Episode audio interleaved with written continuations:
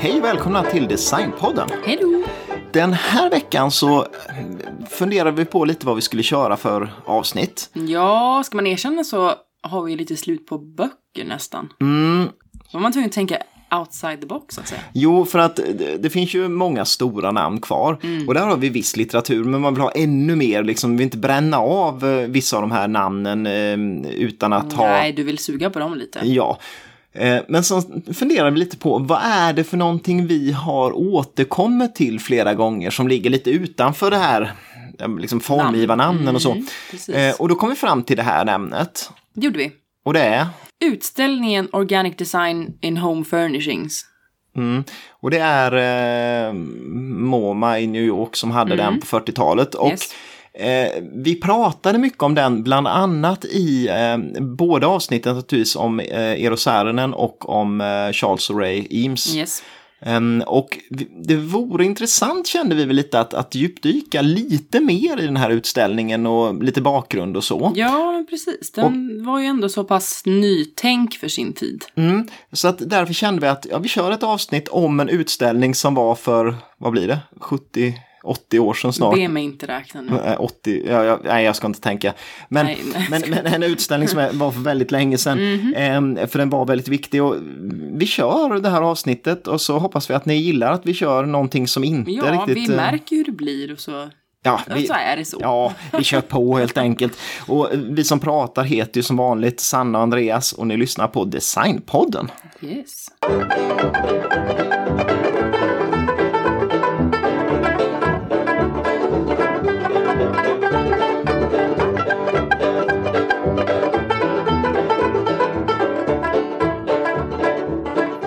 Logisk början kändes ju såklart som att beskriva vad den här utställningen var och varför. Ja, det, det låter väldigt bra. Ja, fast det kan ju, man vill ju veta det innan Ja. man går vidare i någonting annat.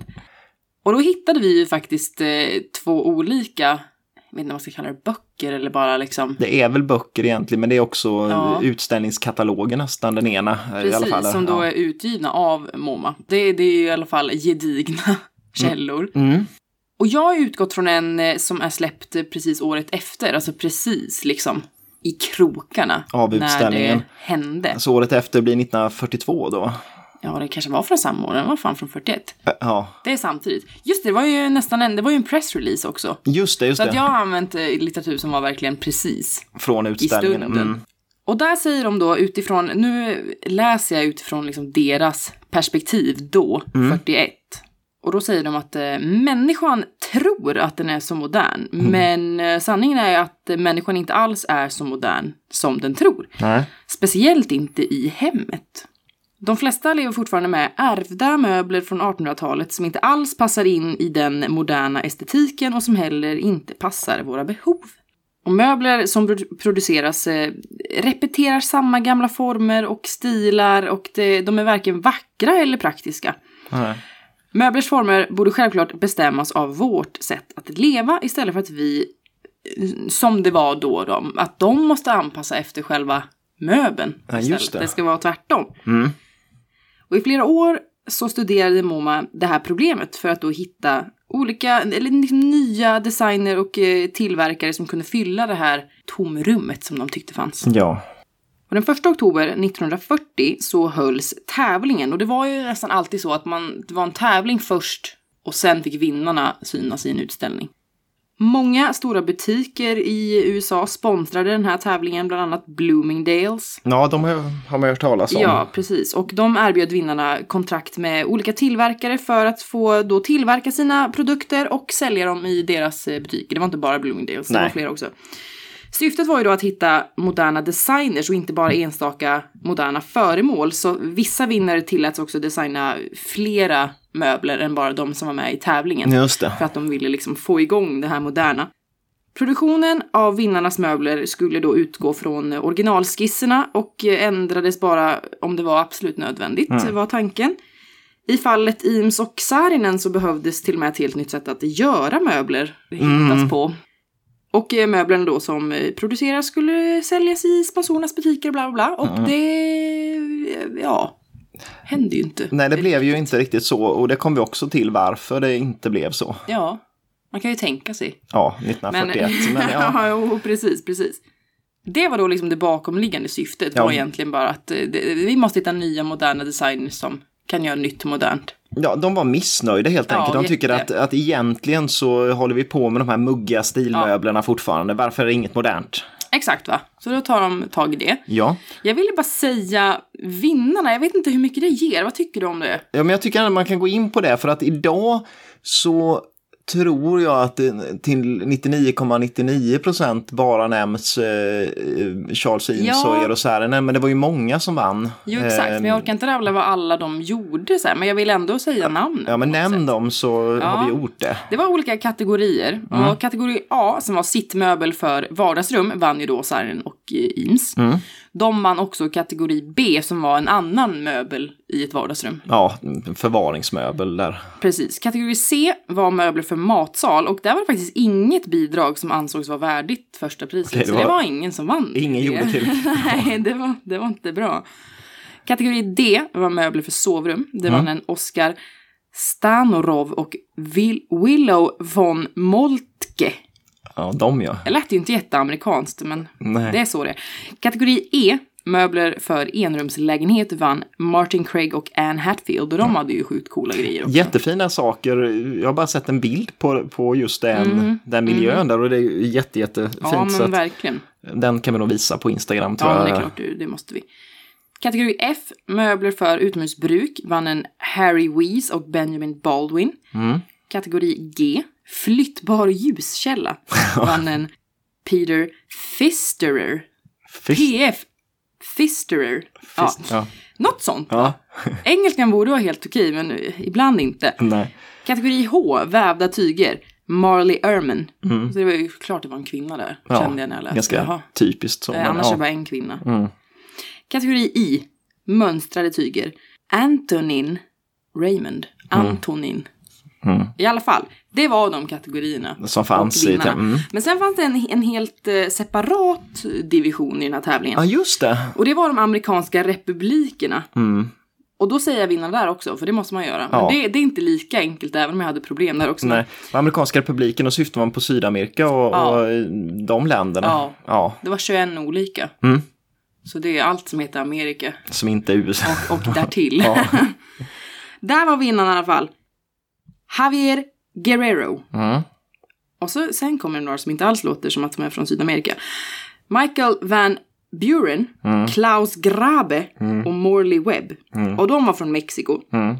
Sen var det en Roman Fresnedo som var från Uruguay och han hade ju sjukt coola grejer. Ja, är det de som är de här Ja. roligaste, skulle jag säga, på hela utställningen nästan? det tycker jag också. Det är svårt att förklara, men eh, Det är ju någon form av vilstolar Mm. som eh, han gjorde.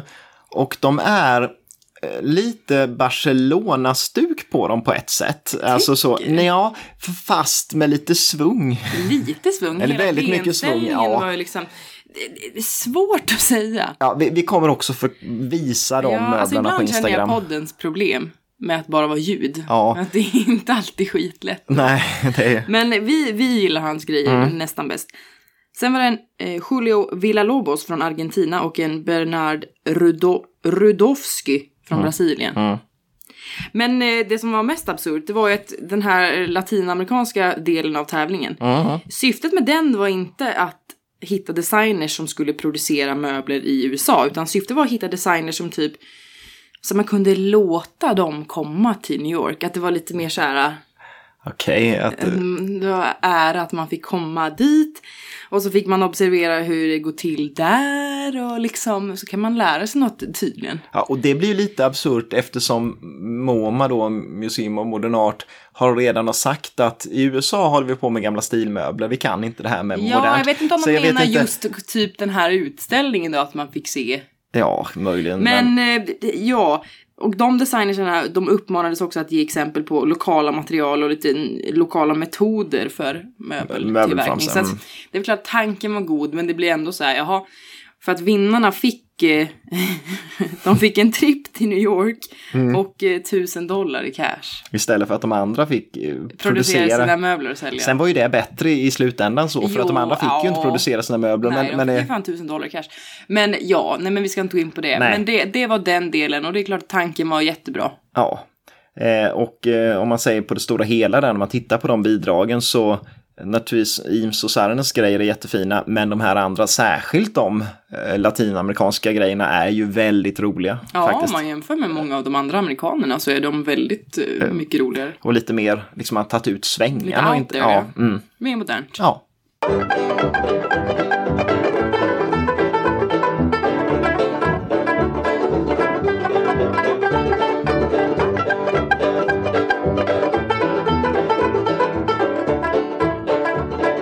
Men då tänkte jag gå in på eh, de här bidragen av eh, Eames och Saarinen. Ja, det är ju deppigt egentligen på sitt sätt. Men- när man försökte hitta de andra så var det ju nästan omöjligt. Ja, man ser bilder på de andra bidragen, men, men det finns inte så mycket bakgrundshistoria egentligen. Medan på, alltså det, det beror väl mycket skulle jag säga på också att Charles Eames och Eero Saarinen blir så stora namn. Alltså det är ju deras genombrott den här utställningen Ja. och tävlingen. Så att då är det inte, så konst, alltså, det är inte konstigt, men det är ju synd att de andra överskuggas Mm. Ja, så det totalt. Men, Men- det är intressant ändå, så Ja. kör på. Och de vinner ju då den här sittmöbelkategorin. Och jag tänkte börja lite lätt med eh, MoMA då, deras syn på eh, liksom sittmöbler och vad som var problemet egentligen. Och de konstaterar att det var en trend under 40-talet att möblerna började väga allt mindre. Och det berodde på två saker. Det var dels att man bodde mindre och därför vill man ha mindre möbler. Men sen berodde det också på att nya materialer kom så att även möbler som hade samma storlek vägde mindre. På grund av att materialen man använde var lättare än de man hade tidigare. Men då uppstod det en utmaning för formgivaren just att med de här nya materialen och även med mindre möbler kunna göra en bekväm sittstol och en hållbar sittstol. Och då kikar de på en traditionell fåtölj först. Och det är väl de här liksom sent 1800-tal, tidigt 1900-tal. Eh, då menar de att ofta består stommen av ungefär 30 till 40 olika separata trästycken som har limmats eller skruvats ihop. Ehm, och sen stoppningen vilar på ungefär 20 metallfjädrar som hålls på plats av säckväv och rep som man hantverksmässigt har gjort. Och sen över det så är det då fiberduk, det är tagel, det är bomullsfiber och sen så själva klädseln. Så att en normal fåtölj hade de räknat på. Utan ben så väger den ungefär 20 kilo. Och det är ju inte en särskilt lätt möbel, det är inte lätt att flytta runt den där och, och sova. Ehm, men då kom det ett steg mot de här modernare och lättare eh, möblerna. Och det var en ny sorts fjäder. Och det var en, en, eh, en platt vågformad metallfjäder som man sen har sett i Ja, men de dyker upp i nästan alla de här möblerna från 1900-talet mitt som även finns i Sverige. Och fördelen med den här metallfjädern är att den kan skruvas direkt i trästommen. Mm. Och det man slipper då är ju dels alla de här lagren av säckväv och grejer och man slipper också det hantverksmässiga i stoppningen utan man kan bara skruva fast den och då blir det mycket lättare. Men det må man väl åt är ju också en, det de kallar det modern, alltså en modern sittmöbel. Och det som kategoriserar den, det är istället att den har verkligen ett minimum av fjädrar eller helst inga fjädrar alls. Och Eh, den ska ha ett, ett skal av formpressat faner eh, som ersätter den här tunga träramen som eh, finns i de gamla fåtöljerna. Och eh, då är ju grejen att det här skalet, sittskalet och formen på själva stolen, den formar sig liksom efter kroppen. Och det gör att hela sittskalet formas efter kroppen istället för att på en gammal fåtölj så var det kanske två eller tre ställen som istället var anpassade efter kroppen. Och då krävdes det en väldigt tjock stoppning för då skulle liksom kroppen sjunka ner i stoppningen för att bli bekväm. Men har man istället en, en fanerskiva som är anpassad efter hur en kropp ser ut när den sitter. Det är skönt ändå. Ja, då räcker det med en, en eller två centimeter med stoppning och ändå blir det skönt. Eh, och där de konstaterade också att en, istället för den här tagel och, och allt det här liksom hästhår som man hade i de gamla fåtöljerna, då har man istället en, en kemisk, eh, alltså en, en skumgummi eller en eh, formskum eller så. Och Särenen och Eames stolar uppfyller ju de här kriterierna och det är därför de vinner kategorin för Ja. sittmöbler. Och Charles Eames och Eero Saarinen, de var ju kopplade till Cranbrook Academy of Art i Yes. Michigan. Och det kan vi ju, alltså vill man veta lite mer om det här så kan man lyssna just på avsnitten om Saarinen. både Saarinen och Eames, men främst Saarinen. Ja, absolut. Eh, och det var ju för Säärinens pappa, Eliel Särinen, han var rektor på den här skolan. Och eh, hans son då, Eero Särinen, eh, undervisade där. Och eh, han lockade ju dit eh, Charles Eames. Så att Charles börjar eh, undervisa och från 1940 så leder också Charles avdelningen för industridesign. Och om man ska gå in då på de möblerna som eh, Charles Eames och eh, Eero Saarinen gör till eh, utställningen på MoMA, så de gör ju ett antal olika stolar.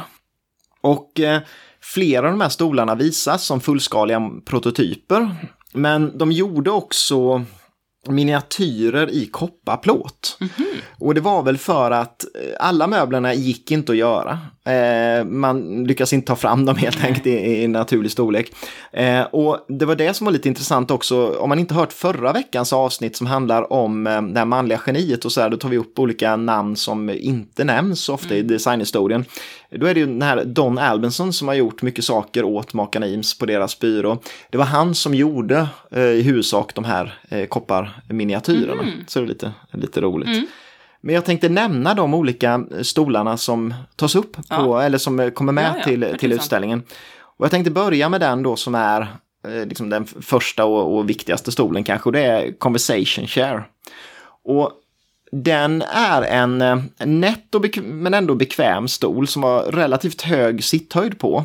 Eh, och idag skulle man nog kalla den lite en besöksstol egentligen. Alltså, ja, alltså, det är ju inte en matstol och det är inte en loungestol utan det är de här besöksstolarna som man har på ett kontor där man sätter sig och eh, pratar med han som Är sitter på andra sidan. Nej men det är just att, att den inte är anpassad för att vara vid ett matbord men den är inte heller anpassad för att sitta och titta på tv utan man ska sitta runt ett bord och prata. Så Och, och sitta i den. eller obekväm. Alltså. Nej men den är rätt skön fast det är inte matstol om man säger och den är inte tillräckligt skön för att sitta framför Ja, tvn. nu. okej. Eh, men den bestod av då ett plywoodskal. Mm. Och eh, den hade en genombrytning i ryggen precis där svängen kommer mellan sits och rygg. Mm. Och det berodde väl mycket på också att det är enklare eller nästan nödvändigt för att kunna böja den formen på den om man säger. Va? Eh, och sen har den armstöd. Och armstöden gjordes helt enkelt att, att de gjorde en liten knyck på plywoodskivan som gör att armstöden liksom bara fortsätter ut. Så att den är egentligen en stol gjuten, i, eller liksom formpressad i ett stycke plywood ehm, i 3D. Mm. Och första tanken var att den här stolen skulle ha nåltunna neråt avsmalnande ben i aluminium. Och det skulle gjort att den skulle blivit väldigt nätt och nästan svävande. Men då var det ett problem. För, för att kunna göra de här benen så hade de letat efter ett sätt att fästa benen i plywooden. Och de hade hittat något som skulle funka jättebra. Och det var gummisvetsning. Och det var en teknik som Chrysler hade tagit fram. Eh, och eh, det är ju bilfirma, men Ja. förmodligen var det för att de skulle fästa in grejer på chassit, jag vet inte alls. Men det, det här var en teknik i alla fall som gjorde att varje eh, kvadratcentimeter av den här svetsfogen klarade 65 ki- eh, kilo. Och då har de räknat ut att ja, men det är perfekt att fästa benen för då skulle man kunna limma benen bara rakt på plywooden. Mm. Och det hade varit bra om inte det här hade varit under andra världskriget. Ja, ja. För då hade amerikanska regeringen beslutat att den här tekniken som Chrysler hade tagit fram då, den var reserverad enbart för militärt bruk. Men, Och då fick man tänka om. Så att då beslutade man sig för att nej, vi får köra träben istället. Och det gör man. Problemet är att det förstör lite helhetsintrycket för att träbenen behöver vara mycket tjockare förstås för att det går inte att ha tunna ben i trä Nej. för då går de sönder. Ja. Så att den blir klumpigare på grund av det och träbenen skruvas dessutom rakt igenom plywooden så att det förstör lite den här tanken som fanns från början men det var tvunget att, att bli så.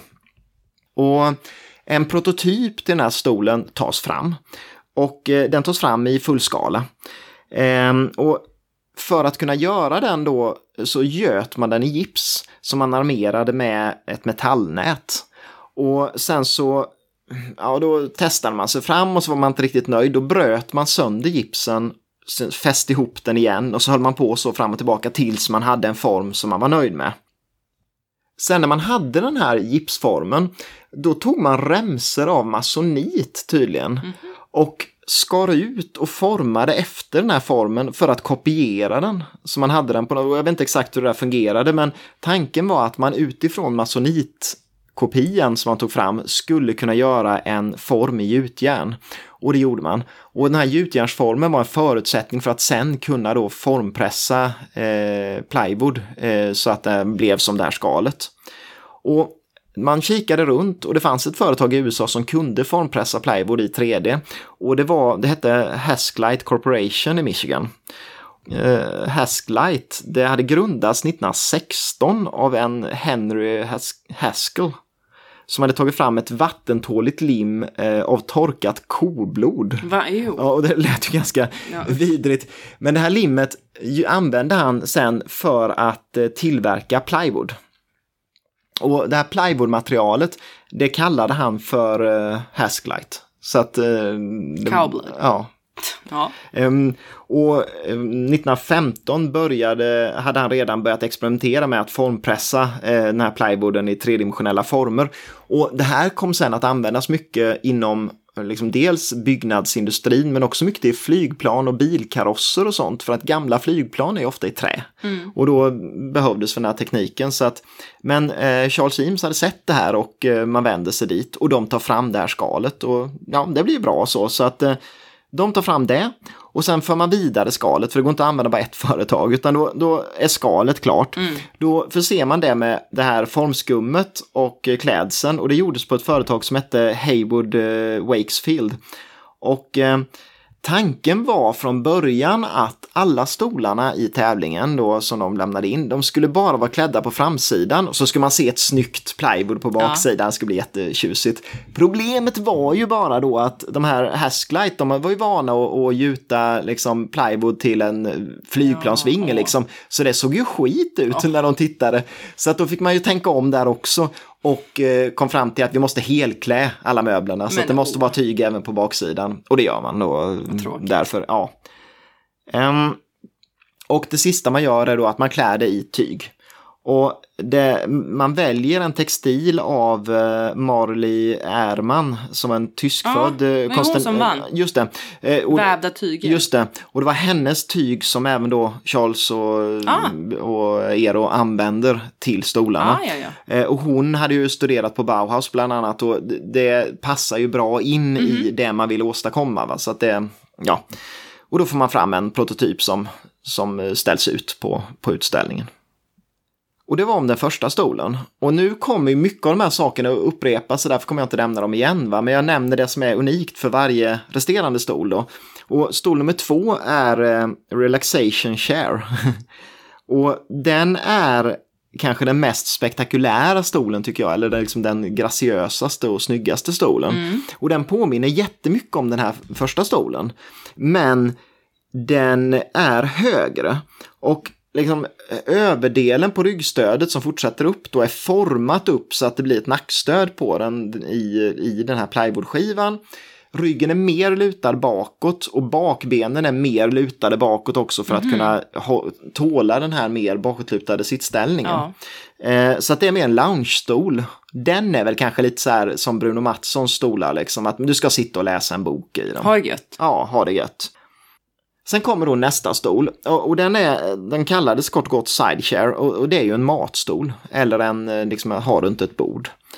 Och det, det är en nätt stolsvariant helt utan armstöd. Och det här sittskalet har heller ingen genombrytning i ryggen och det behöver det inte ha eftersom inte det finns någon liksom bockning upp som skapar armstöden utan det, det är mer som känns lite eh, som Arne Jacobsson fast tidigare då. Mm. Liksom, eh, just att det är en, ja, ett helt sittskal. Benen var liknande de på Conversation Chair, men eh, de var fästa under sittskalet med en rund platta mer, liksom lite bredare. Jag vet inte varför den såg så ut, men ja, av någon anledning. Eh, och den var avsedd att finnas både som en ren fanerstol, liksom med bara ett fanerskal, och som en klädd variant. Men den som visades på utställningen var en klädd stol. Men just den, och det var den enda av stolarna på utställningen som de lämnade in, som den hade faktiskt öppen rygg, alltså en, en rygg i trä. Och mm. förmodligen så krävdes det mindre bockning så det gick det att få det snyggt ändå, liksom mm. just på den stolen. Sen kommer nästa stol och det är Easy Chair. Och den är helt annorlunda mot de andra. Mycket tjockare och mycket större och tänkt att långtid sitta i. Den ja. ska man sitta en hel kväll i. Ah. Ja, och, och, den var lite som ett halvt klot som var klätt på alla sidor. Mm. Eh, och sen så var det en vågformad snedskuren kant som bildade armstöd som gick ut. Och jag tycker att den känns lite som, säg att man tar då en kula med lera. Mm. Och sen så skär man av, eller liksom så tar man tummen och trycker mitt på den. Ja. Så det blir en ja. sittyta. Det är lite den känslan man får, får på den. Mm. Eh, känns inte som de andra men också en väldigt fin stol som aldrig gjordes någon prototyp på. Men eh, ritningarna är ju jätteroliga. Sen nästa då. Det är Lounging Shape Chair. Oh.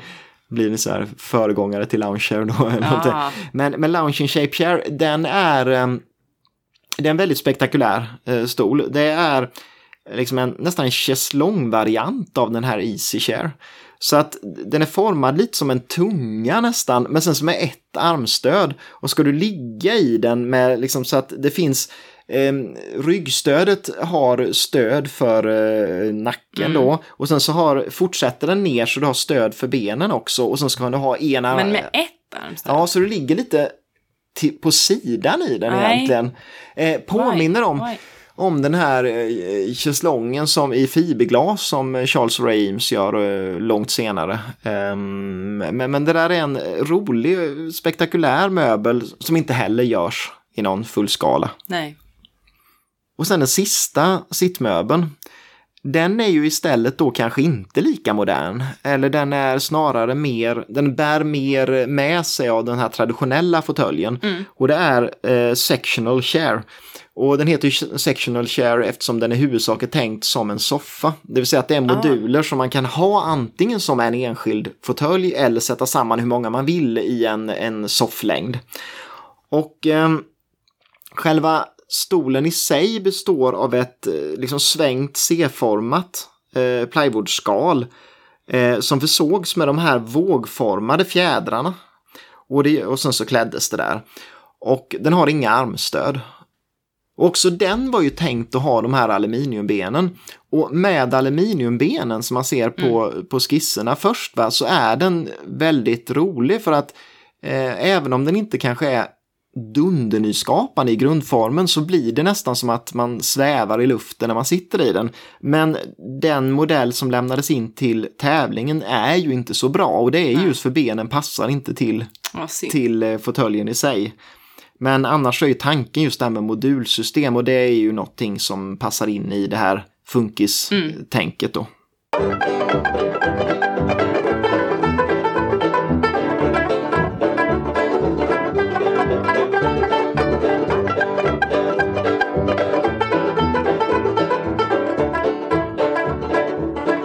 var då sittmöblerna som eh, Sarnen och Eames lämnade in till tävlingen. Mm. Men som du sa, de, de vann ju en kategori till. Ja, annan möbel för vardagsrum. Annan möbel till vardagsrum. Och då gjorde de förvaringsmöbler och bord. Mm.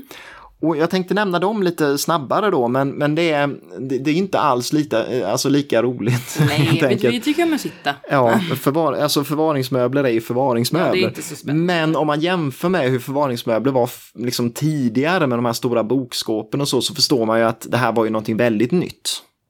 Och då om man tar deras förvaringsmöbelsystem, då eh, liksom, det var ett system fanerat i Honduras mahogny. Mm. Och det var ett renodlat modulsystem eh, där alla delarna skulle som lego liksom passa ihop. Och eh, därför skulle det vara byggbart efter liksom, kundens önskemål. Och varje modul i det här systemet var 45 x 45 cm eller 90 x 45. Eh, och då kunde man ju antingen ha, och då blev det ju liksom att två moduler blev som en, två små moduler blev som en stor. Liksom, mm. Så att det var ändå liksom logiskt hela systemet. Och det fanns olika varianter av de här modulerna. Det fanns moduler med öppna hyllplan bara, det fanns med lådor, det fanns eh, med dörrar och med vitrindörrar. Så man kunde bygga det här som ett, eh, det man vill ha i vardagsrummet. Då. Och eh, till de här modulerna så tog man fram socklar. Och de var 30 cm höga. Och så fanns de här socklarna för att passa till två, tre eller fyra moduler. Och sen kunde man givetvis ställa två stycken fyra moduler socklar efter varandra så fick man en hel vägg där. Liksom. Mm. Um, och det här tyckte MoMA var någonting väldigt nyskapande för att då hade de tänkt på just det här uh, funktionella till kunden som man inte kanske traditionellt alls har gjort tidigare. Um, och under de här modulerna så fanns eh, gummiringar som såg till att de gled inte och därför behövde man inte montera fast dem utan man kunde bara ställa dem på plats eh, och sen flytta runt givetvis eftersom hur man vill ha dem. Och en sak som noteras extra mycket i det här utställningsmaterialet som finns det är att eh, just de här socklarna, att de hade dubbla funktioner. För att dels kunde man ha socklarna givetvis som sockel, men sen så hade de också valt att man, man kunde använda dem som en bänk med en, eh, liksom en dyna på, så blev det en sittbänk. Mm -hmm. Man kunde ha dem som en blombänk mm. eller som ett sidobord. Mm. Och det var också någonting som noterades att det var väldigt nyskapande att, att till och med sockeln kan man använda till ja, olika ändamål. Ja, så att det, var, det, det gör ju att det blir någonting mer, verkligen något, något roligt. Men det är inte jättekul de här grejerna. Men så gör de två bord till den här utställningen. Och det första bordet är ju bara väldigt mycket funkis och inte jätteroligt men helt annorlunda mot hur bord brukade se ut på 40-talet. Mm. Och det, det var ett matbord. Och det påminner nästan lite om de här grejerna som danskarna som både Kärholm och, och eh, Arne Jacobsen gör senare då. Va? Och det är just att det är bara en tjock rektangel, eh, själva skivan. Raka ben, bara rakt ner. Och sen finns det metallreglar att fälla ut och sen kan du förlänga dem då med förlängningsskivor. Det är jättetråkigt. Tråkigt, men om man jämför då med de här krusidulleborden så blir det ja. någonting väldigt annorlunda. Såklart. Och det, jag tror att det var till och med provocerande för vissa när de såg det här att det är så enkelt, mm. det, så här ska inte ett bord se ut. Va? Men det var ju funktionellt och längden på bordet var 142 cm men med skivor blev det 234 cm. Så att ett stort funktionellt bord om du bodde litet men ville att släkten skulle kunna komma hem och ja, ja någon gång ja. ibland. Men om då det här matbordet inte egentligen kanske var jätte-wow, så gjorde de då ett soffbord också. Och det tycker jag är ett av toppnumren på utställningen. Och det var ett triangulärt soffbord där hörnen på triangeln hade liksom skurits av om man säger så att det var, den fortsatte inte ända ut. Mm. Och skivan var tillverkad i samma typ av faner som stolarna. Och sen var ytterskanten på skivan var liksom uppvikt. Mm. Ja. Eh, ja. Och så har den tre raka runda ben som går ner. Och bordet var 42 cm högt och eh, sidlängden var 110 cm. Så att det är ett, ett fint och funktionellt bord och framförallt då inte så förbannat lågt som allting ska vara idag, liksom, utan det var ändå 42 cm högt. Mm, så du kunde ha din eh, kaffekopp och idag är ju soffborden så här 2 cm ja, höga. Nej, men alltså, en, en, hund kan ju nå hur lätt som helst ja, också. Nej, men, men det är ett snyggt bord också så att det bordet är, är roligt och det, man märker hur de har använt samma liksom, tekniker som man tog fram till eh, stolarna för att göra skivan så att det blir en helhet på ett snyggt sätt. Och då har jag har ju gått igenom då möblerna som eh, Eames och, mm. och Saarinen gjorde. Och då tänker man, vad hände med det här då? Ja. De blev ju lovade att det här Exakt, ska pro det produceras. Mm -hmm. Det, här ska ju, det, det, här ska vi direkt ut till producent och yes. sen ska det här ta över ja. USA nu. Men så blev det ju inte, om man säger. Och det var ju att, eh, det här är ju 1941. Yes. Och eh, andra världskriget i princip satte ju stopp för, eh, för en serieproduktion mm. av det här. Och det var dessutom så att eh, de vann ju på grund av att de var väldigt nyskapande. Problemet var att de var ju så nyskapande också att det fanns inte riktigt några företag som kunde producera nej, det här de tog fram. Och sen hände det ju en sak, alltså 1940, redan liksom under 1941 så gifte sig Charles Eames med Ray Kaiser ehm, och de hade ju träffats på den här Cranbook ehm, yes. Academy. Och de flyttar till Kalifornien. Och då börjar de väl tänka på lite annat också sådär så att det, det, det börjar bli lite mer så här i, i bakhuvudet kanske bara den här utställningen. Och sen då 7 december 1941, då är det ju precis, alltså det är ju någon vecka efter att utställningen slutat. Mm, typ. Ja, då anfaller japanerna Pearl Harbor och USA går med i eh, andra världskriget. Och det gör ju också att om det innan var svårt att producera så blev det väl stört omöjligt plötsligt nu. Och jag såg att eh, någonstans i den här boken så fanns det en, en citerat ur ett brev som eh, en Elliot Noyce på MoMA hade skrivit till Charles Eames. Ja, det var någon viktig snubbe. Ja. Det var han som gjorde hela utställningen. Ja, han ansvarade för hela utställningen och var väl ansvarig för industridesign-delen. Ja, Ja. jag tror det. Eh, och han skrev i alla fall i januari 1942 till Charles Eames. Så skrev han att hela projektet verkar tyvärr rinna ut i sanden på grund av kriget. Vi får inte använda gummi och inte använda plywood. Eh, Och om man inte får använda gummi och inte använda svårt. plywood, då är det ju liksom goodbye. Det här, det här blir ju ingenting. Ehm, och då skulle det kunna sluta där, men man ska väl sätta in det här i en historisk kontext ändå, va? För att Charles och Ray Eames, de fortsätter ju experimentera med plywood trots att inte det blev någonting egentligen med möblerna som togs fram till utställningen. Och ehm, de, de ser ju möjligheterna i det här just att tredimensionellt formpressa plywood. Och eh, de tar då fram en maskin i sin lägenhet i, i Los Angeles. Och de kallar maskinen Kazam. Eh, och tydligen kommer det från ordet alla Kazam, har du hört det? Något som har med magi att göra. Ja, jag hade inte hört det. Asså? Nej, det ska väl betyda liksom abrakadabra. Ja, något så här, ja. Eh, Men Kazam kallar de den, för det var liksom att man, man höll på att limma och limma och limma och helt plötsligt kommer det ut ett skal. Tycker de så att Kazam, okej, nej, ja. den ska heta Kazam. Ja, ja, ja, och så fick den heta Kazam. Eh, Men så upptäckte de en grej att den här maskinen då, den, den krävde vansinniga mängder el. Ja, nej. Så då, och, och det klarade inte säkringarna då i lägenheten. Så att eh, för att lösa det så fick Charles klättra upp i elstolpen utanför lägenheten och tjuvkoppla el. Va? Oj, farligt. Så att han trodde, han beskrev senare i livet så att han trodde han skulle dö varje gång han skulle göra jag det där. mig, chans totalt livsfarligt. Men det gjorde han. Och eh, de fortsätter att experimentera. Och det som händer är att man lyckas 1943 få ett avtal med amerikanska armén just. För man ser att det är där pengarna Ja, finns. Det är bara där det finns uppdragsgivare. Så då, då får de uppdrag att ta fram en, en eh, benspjäla. Och benspjäla är ju sånt helt enkelt som man spjälar upp ett brutet ben i Ja. fält med. Och eh, innan hade det varit ganska så, många soldater, man hade använt liksom Pinnar. pinnar. ja. Och det blir ju, det, det är ju inget bra. Nej, då tog de, fel. Ja, men då tog de fram den här i plywood.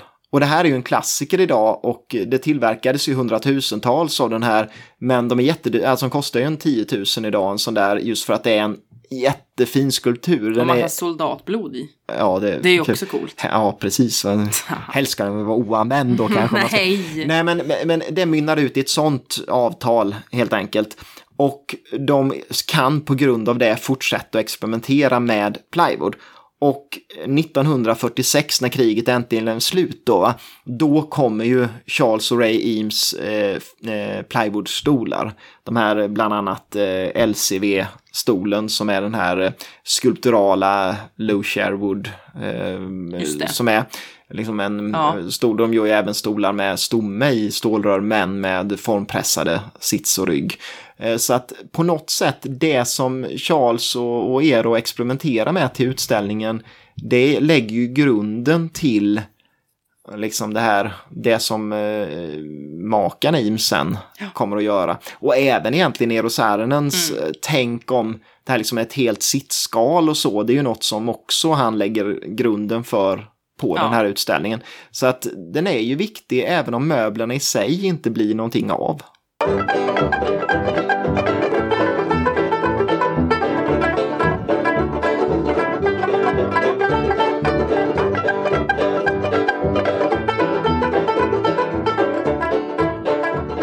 Jag känner att jag vill avsluta det här avsnittet med, eller jag vill hitta recensioner och Ja. artiklar från, från då. Hur Ja, den blev Det mottagen. hade varit jätteroligt. Ja, det måste jag säga att det kunde jag inte. Okej, det, det fanns inte. Nej, men jag hittar liksom ingenting. Det Nej. enda som är solklart det är ju att det var Eames och Saarinen som var mest uppmärksammade. Ja. För det är ju nästan bara det man hittar. Men jag hittade då en eh, pressrelease från MoMA själva i samband med det här. Mm. Och eh, för jag tänker, om jag inte hittar det då beskriver jag lite själva hur utställningen faktiskt såg ut. För det kan ju också vara spännande Ja. att veta. Men eh, först så beskriver de med ett citat. A group of chairs whose construction principle is a wooden shell cast like a piece of sculpture will be the high point of the exhibition. Så till och med de ville ju framställa deras grejer som the shit. ja, det är det här Så det är som ni inte ska kika konstigt på. att det är bara det man hittar sen. Nej. För det var ju då de, det de själva ville också. Mm. Inför utställningen då byggdes delar av eh, museet om och ett till eh, galleri byggdes till. Det Mm. här nya galleriet hade en terrass där besökarna fick eh, sitta på utställningsmöblerna Mm. och titta på resten av utställningen genom museets glasväggar. Ja. Men när man kommer in då i utställningen så kommer besökarna upp på en ramp som går över en stor del av utställningen. Ah. Och så på väggarna vid sidan av så fanns det någon typ av historik med andra moderna möbler. Exempelvis eh, tournéstolar, eh, Breuers stålrörsstol, Mies van der Rohe, Le Corbusier, Alto och till och med Bruno Mattsson. Ja, de ville att man skulle se hela utvecklingen mot Exakt. det moderna då. Exakt. Mm. Och när de kliver av den här rampen, då eh, möts de av en stor och eh, ful fåtölj som då kunde köpas i affärer då. Och den är ju då där som, ett, eh, som är liksom en hemsk motsats till... Och de visade den fåtöljen som jag beskrev innan som vägde 20 kilo och som Ja. hade de här. Ja, Jo men exakt. Och det, det tyckte jag nästan, tänkte jag, det tyckte jag nästan var roligaste delen. Men det gjordes på ett väldigt eh, sjukt vis. Jaha. Eh, fåtöljen var delad i mitten. Mm. Så man kunde se all stoppning och allt material som var i den. Mhm. Men den var placerad i en bur. och eh, på den här buren så fanns det en text. Alltså den var, den här texten var skriven som för eh, ett djur på ett zoo. Jaha. Att det var så här, ja men att det var ett lejon Ja. man tittar på. Och så det- står det olika saker. Så det stod, eh, nu säger jag det på engelska. Ja. Overstuffed armchair som liksom en rubrik. Ja. Mm. Weight when matured 60 pounds. Mm. Det kanske är typ Ja, det 20 är väl kilo. Det har jag inte. Ja. kollat. Ja. Habitat, the American home.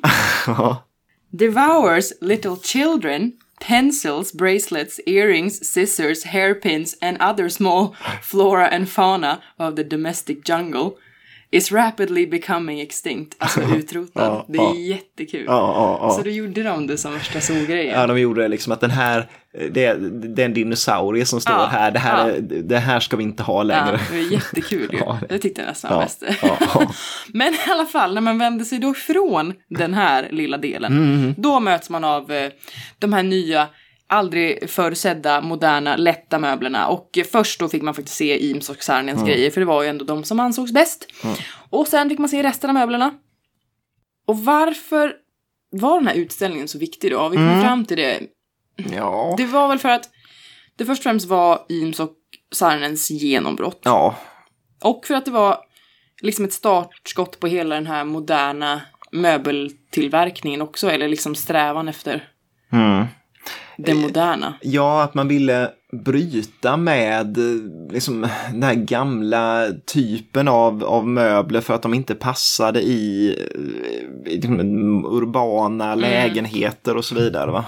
Precis. Så det är väl liksom, behöver inte vara mer avancerat än så. Nej, men framför allt just det där att, att det är Charles Eames och Eero Saarinens stora genombrott eh, som möbelarkitekter. Precis.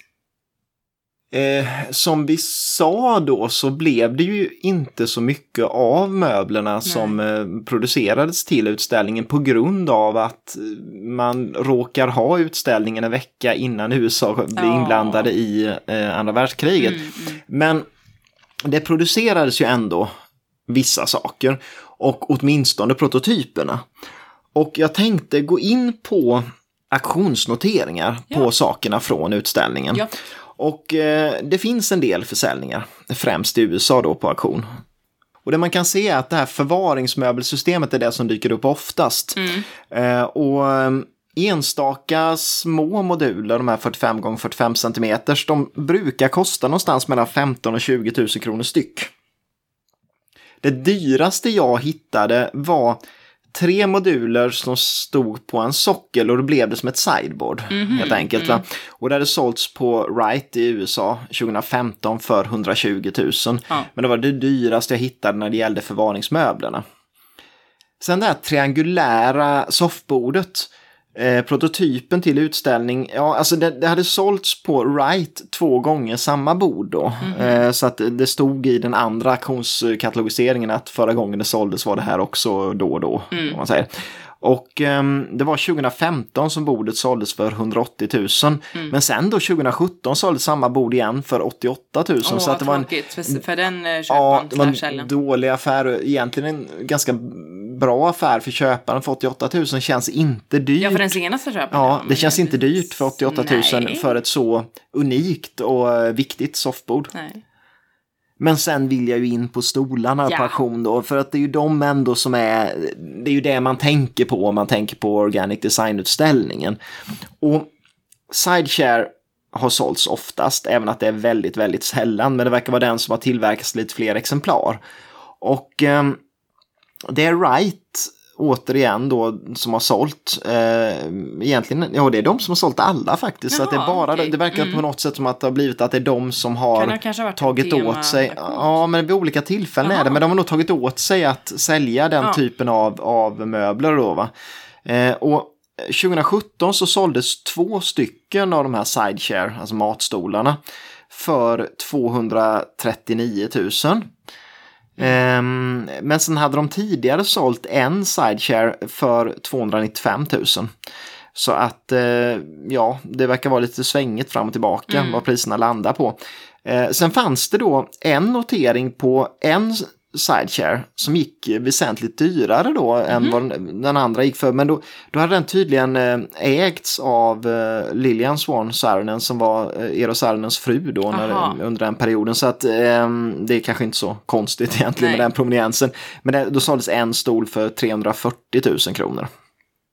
Sen hittade jag också då den här Relaxation Chair som är den här eh, bästa stolen egentligen skulle ja. jag säga från utställningen. Eh, den såldes på Wright 2008. Så det är ju ganska länge sedan nu. Och eh, den var i originalskick men extremt sliten. Men det är ju naturligtvis väldigt bra att de inte har gjort någonting med Självklart. den, att de inte har klätt om den mm. och så. Mm. Utan det är det här originaltyget och, och så vidare.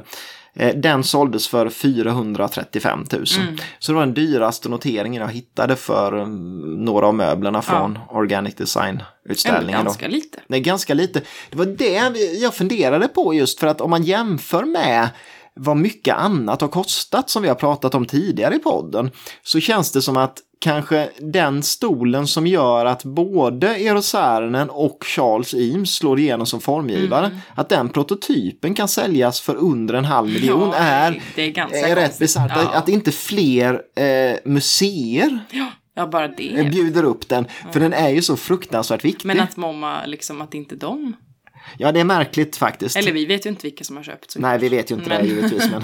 men Och sen avslutningsvis då, det blev ju aldrig någon serieproduktion av de här Nej. möblerna. Men idag kan man kliva in på, eh, på Nordiska galleriet och så och, och kräng, äh, liksom köpa möbler. Och, och då finns ju Organic Share eh, i, i nyproduktion. Och Organic Share då, den, den är en i praktiken egentligen en nyproduktion av Conversation Share som mm. är den här första jag pratade om. Som ja. är den här att sitta och ja, besöksstolen då, ja, ska den, tråkigt ja. nog. Men i textil så kostar den mellan 16 900 och 17 500. Um, så finns det även en som heter Organic Highback eh, Share och den är väl lite en nyproduktion av Relaxation Share som är den jag tyckte bäst om då som har den här högre ryggen mm. och lite mer softa stolen. Och den kostar mellan 19 900 och 20 900 i tyg. Så de finns i nyproduktion idag. Mm. Ehm, faktiskt trevligt att de har tagit ja, upp dem i produktion just med tanke på att tekniken idag tillåter det. Exakt, måste man embracea. Ja. Och där är vår sammanfattning om utställningen Organic Design in Home Furnishing. Mm, det det. Um, det var kul att läsa lite mer om, mm, om utställningen. Just för att man sätter in det i ett sammanhang och det är kul, själva tanken på att Charles Eames då var helt okänd. Mm. Det är kul med gamla källor tycker jag också. Ja, en bok från 40-talet är ju Det känns rolig så att använda. genuint att använda. Och det är kul att läsa hur beskrev de och vad betonade de och vad tyckte de var bra. Och det vi kunde se var väl just att, att det var det som idag uppmärksammas som redan då var det som Ja, uppmärksammades och som lyftes fram. Så att, det- mm. Ja, och eh, med det så är det slut på veckans avsnitt av Designpodden. Eh, Det är kul att eh, ni är fler och fler som lyssnar. Ja, va? verkligen. Eh, Och vi- läskigt. Ja, läskigt också. vi, vi matar ju på här med avsnitt. Vi börjar närma oss slutet på Mm. den här säsongen. Eh, vi vill ju då, för att nu är vi lite så här, hur ska vi utveckla podden, Ja, vad ska vi lite. Eh, och vi känner ju lite att vi behöver ju, dels letar vi ju sponsorer givetvis. Det också. Eh, men också är vi väldigt glada eh, om man vill tipsa om oss. Det är Mm. ju många som skriver att nu har jag lyssnat på avsnittet och så, och då blir vi väldigt glada. Men det är Oh, också väldigt bra för att det gör också att det är ett, ett eh, bra sätt för oss att nå ut. Så vill ni skriva på social media och så och dela bilder som vi har Ja, lagt då- ut på Instagram. Ja, då är vi jätteglada. Så gör gärna det. Och eh, då ska man ju då följa oss på Instagram först och främst Ja, förstås. gärna. Och där heter vi Ja, det är Designpodden. Det behöver Ja, det är, det är Designpodden Ja, vi heter det. Men om man vill oss något då, då, då kan man ju skicka naturligtvis så här, vet du, P, Nej, DM. DM, PM, PM, är så här promemoria. Nej, det vet vi inte Nej, det det vet är. vi Det är inte. Ett DM, eh, det kan man ju göra, men Alltså det är annars... nästan lämpligast på något sätt. Ja, men, Instagram, det är ju inne på jämt. ja, men vill man istället mejla... Ja, man kan mejla också. Ja. Designpodden.gmail.com. Och Ja. Kom gärna med förslag på vad vi ska göra härnäst. Ja. Alltså folk, intervjuer, whatever. Ja, precis. För att om man har idéer på just det där människor intervjua eller företag att prata Vill ni med. bli intervjuade? Är ni intressanta för podden? Ja, exakt. Eh, om ni har ett företag som håller på inom det här området eller om du har jobbat eh, eller Ja, liksom vad som helst. Hör av er för att eh, vi vill det. jättegärna göra, för Ja. intervjun är ju de roligaste avsnitten det att ju göra. roligast. Det är säkert roligast att lyssna på också. Ja, jag skulle tro det. Eh, när vi inte bara babblar. Nej, usch. Ehm, nej men absolut, och det var väl det vi hade Ja, den här nu ska veckan. sluta. Nu ska vi sluta. Ja. Men eh, tack så jättemycket för att ni har lyssnat så hörs vi igen nästa vecka. Tack, hej!